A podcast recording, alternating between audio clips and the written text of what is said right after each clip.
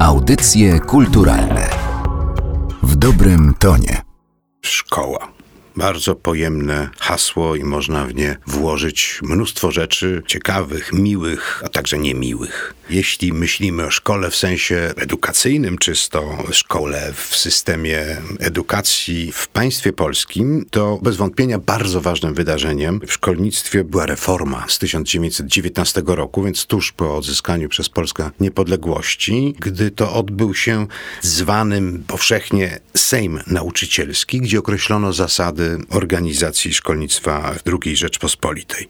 Te zasady były wprowadzane w życie powoli i stopniowo, ale był to przełomowy zupełnie moment, bo trzeba o tym pamiętać, że w momencie, gdy Polska odzyskiwała niepodległość, ponad połowa Polaków była analfabetami, czy też połowa obywateli polskich była analfabetami. W związku z tym szkolnictwo było rzeczą no, kluczową, zarówno jeżeli chodzi o jakiś taki awans cywilizacyjny Polski, jak również jeśli chodzi o spoistość państwowości polskiej, bo edukacja jak zawsze jest elementem spajającym społecznie i przekazującym wartości, które system państwowy uważa za istotne. Ale w potocznym obiegu, mówiąc szkoła, najczęściej, myślę, przydajemy do tego rozmaite inne słowa, jak na przykład plakat, Polska Szkoła Plakatu. No, jest to jeden z najbardziej może znanych brandów e, polskich, znanych na całym świecie, który opisuje fenomen plakatu jako dyscypliny, która rozwinęła się w niezwykle interesujący sposób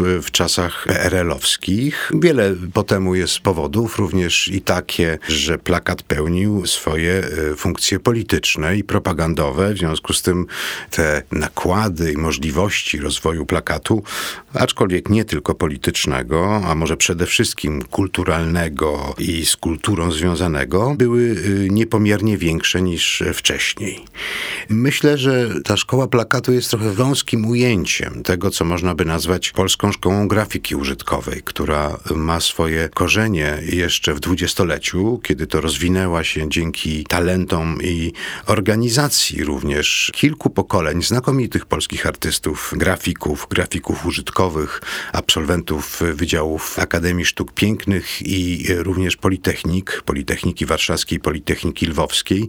I ta szkoła grafiki e, wydała z siebie nie tylko ten strumień związany z plakatem, ale również znakomitą grafikę artystyczną i równie świetną e, grafikę użytkową, a więc taką grafikę, która była stosowana w reklamie, w marketingu, w e, opakowaniu rozmaitych produktów i tak dalej. Co ciekawe, ta linia polskiej szkoły graficznej nie została przerwana przez wojnę i po niezbyt długim okresie stalinowskiego ucisku, gdzie wiele ekspresji artystycznych było zatomowanych, rozkwitła ponownie po 1956 roku serią znakomitych tych projektów, zarówno plakatowych, jak i okładek książkowych, znaków towarowych, znaków firmowych, realizowanych przez zarówno starsze, jak i całkiem młode pokolenie grafików. Audycje kulturalne w dobrym tonie.